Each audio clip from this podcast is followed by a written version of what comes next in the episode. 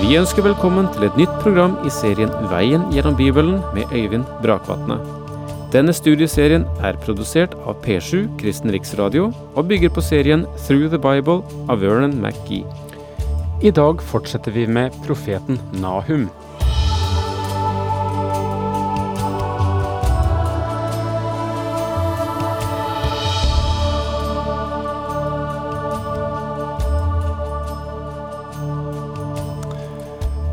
Selv om profeten Nahum primært er en profet som er reist opp for å tale til Asyria, denne stormakten som underkuet Nordriket, og som truet Sydriket, så kommer Nahum stadig med innspill som forteller at selv om Gud bruker og har brukt Asyria, også til å gå sine ærend, så skal Asyria måtte bøye nakken for Herrens velde, og verken Israel eller Juda skal fortvile, selv om Herren tukter dem gjennom Asyria eller gjennom andre folkeslag.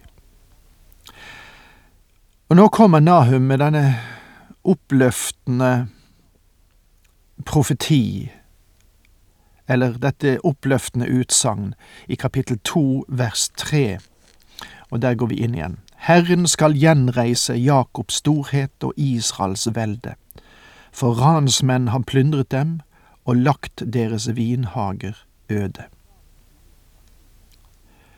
Altså, Nahum sier at tiden er kommet at Asyria skal møte sin dom, for Gud har nå fullført dommen over sitt eget folk og har til hensikt å oppreise dem på nytt. Og dette dreier seg om hele Israel, altså både Jakob og Israel, det vil si Sydriket og Nordriket. Ransmenn er de som er fiender av Guds folk, og spesielt Asyria.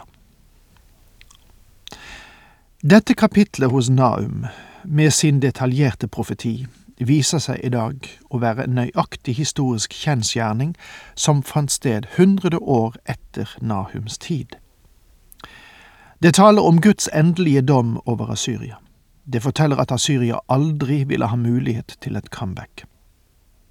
Og Asyria kom aldri tilbake på verdensarenaen, og ville heller aldri mer gjøre det. Ifølge Guds ord vil Babylon gjenoppstå så vel som en del andre nasjoner. Men Asyria, en av de store verdensmakter i forgangen tid, vil aldri komme tilbake.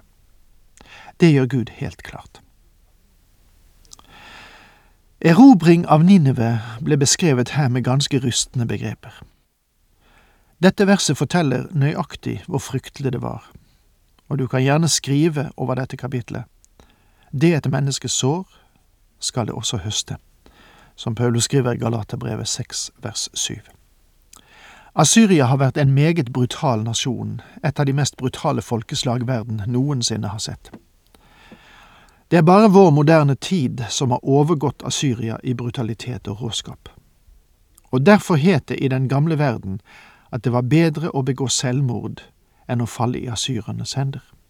De var fryktet og avskydd i oldtiden. Og vi ser her i Nahums bok at Syria er i ferd med å bevege seg igjen, men denne bevegelsen dreier seg nå om en retrett og ikke om angrep.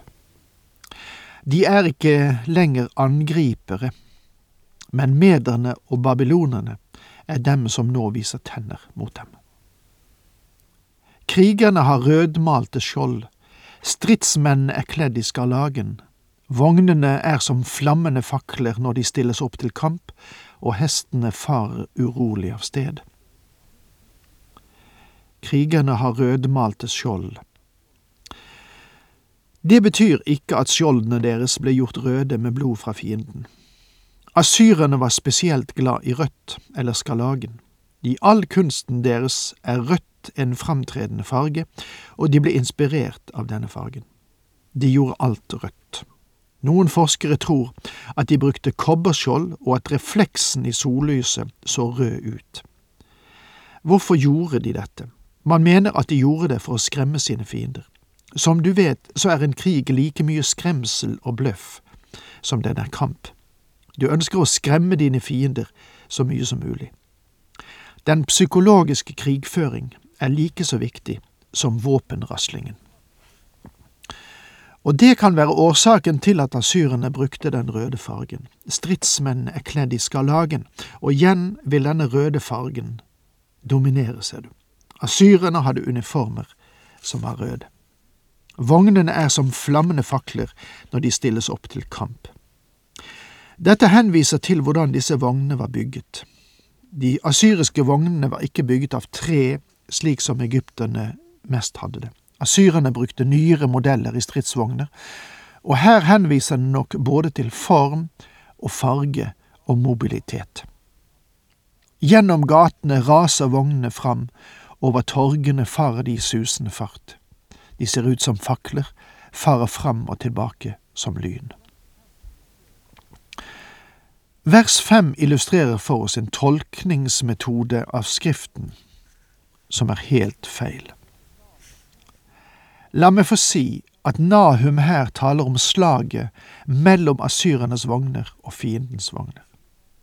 Det som hendte var at da fienden satte mot Asyria, måtte de også gå til angrep mot den meget godt forsvarte byen Ninive.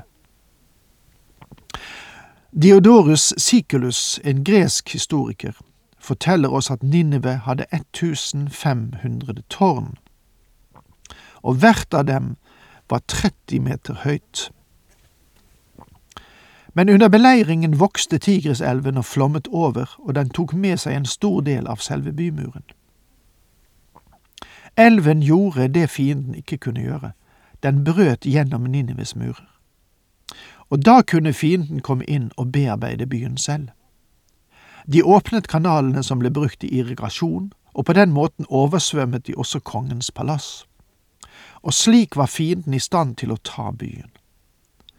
Hullet i muren var så stort at fiendens vogner kunne komme inn, og det som beskrives her i vers fem, er ikke noe annet enn det veldige slaget med stridsvogner som fant sted da.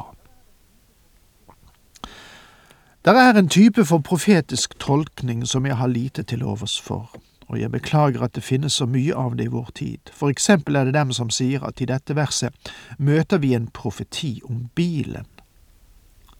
Det er bare ville gjetninger. Det er stor interesse for profetien i dag, fordi store verdenshendelser og store verdenskriser er under utvikling. Men vi må være klar over at vi kan bli fanatiske og gå grundig på limpinnen angående profetiene. Jeg tror det var Winston Churchill som sa en fanatiker er en som ikke kan endre sin tanke, og som ikke vil forandre sitt tema. Mine venner, denne profetien har absolutt ingenting i verden å gjøre med bilen. Men hva er det Nahum taler om når han sier gjennom gatene raser vognene fram, over torgene farer de i susende fart?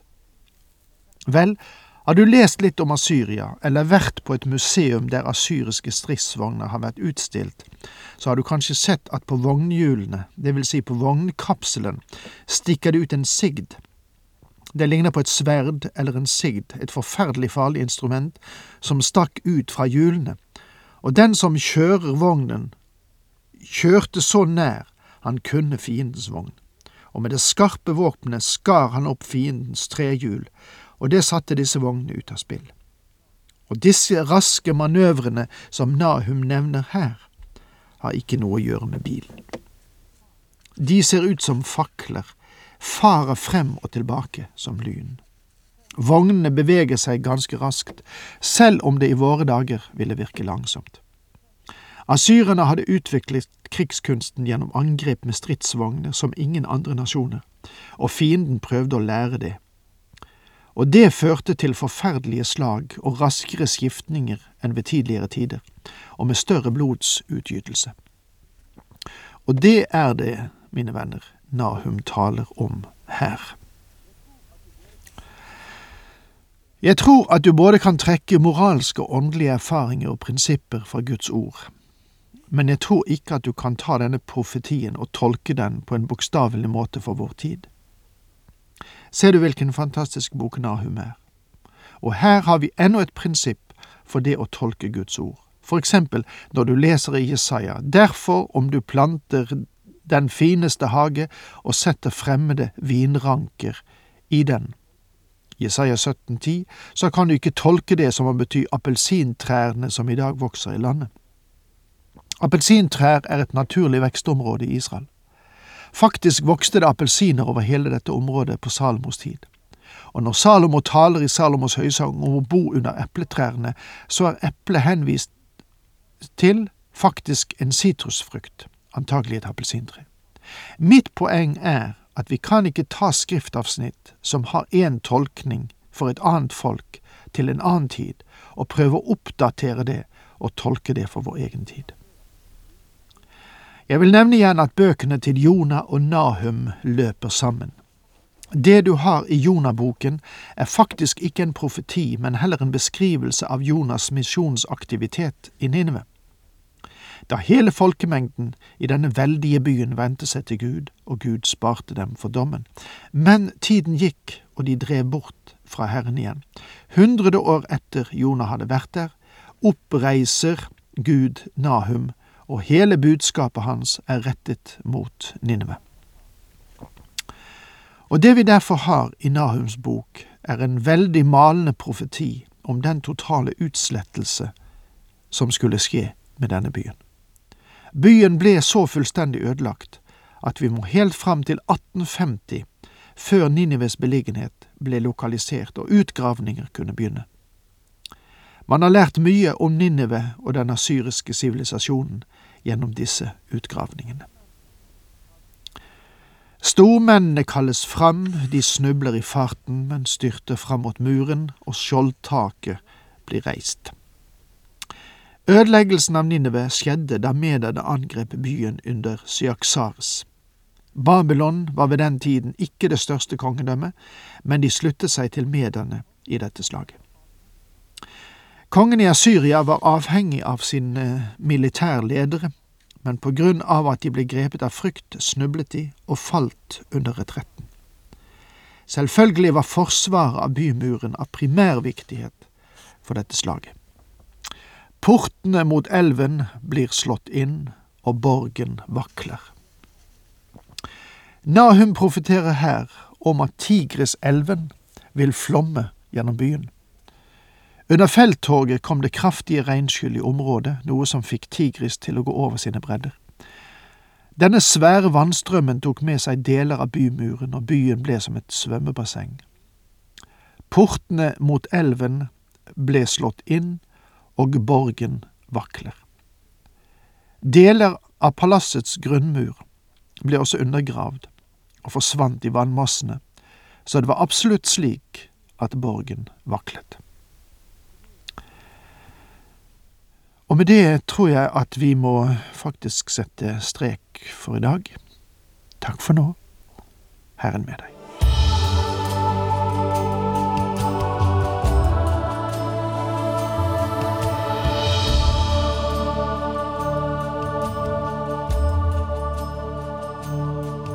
Du hørte Øyvind Brakvatne i studieserien Veien gjennom Bibelen. Serien bygger på et manus av Vern McGee. Har du spørsmål eller kommentarer til programmet, kan du sende en e-post til vgb krøllalfa p7.no. Takk for i dag, og på gjenhør.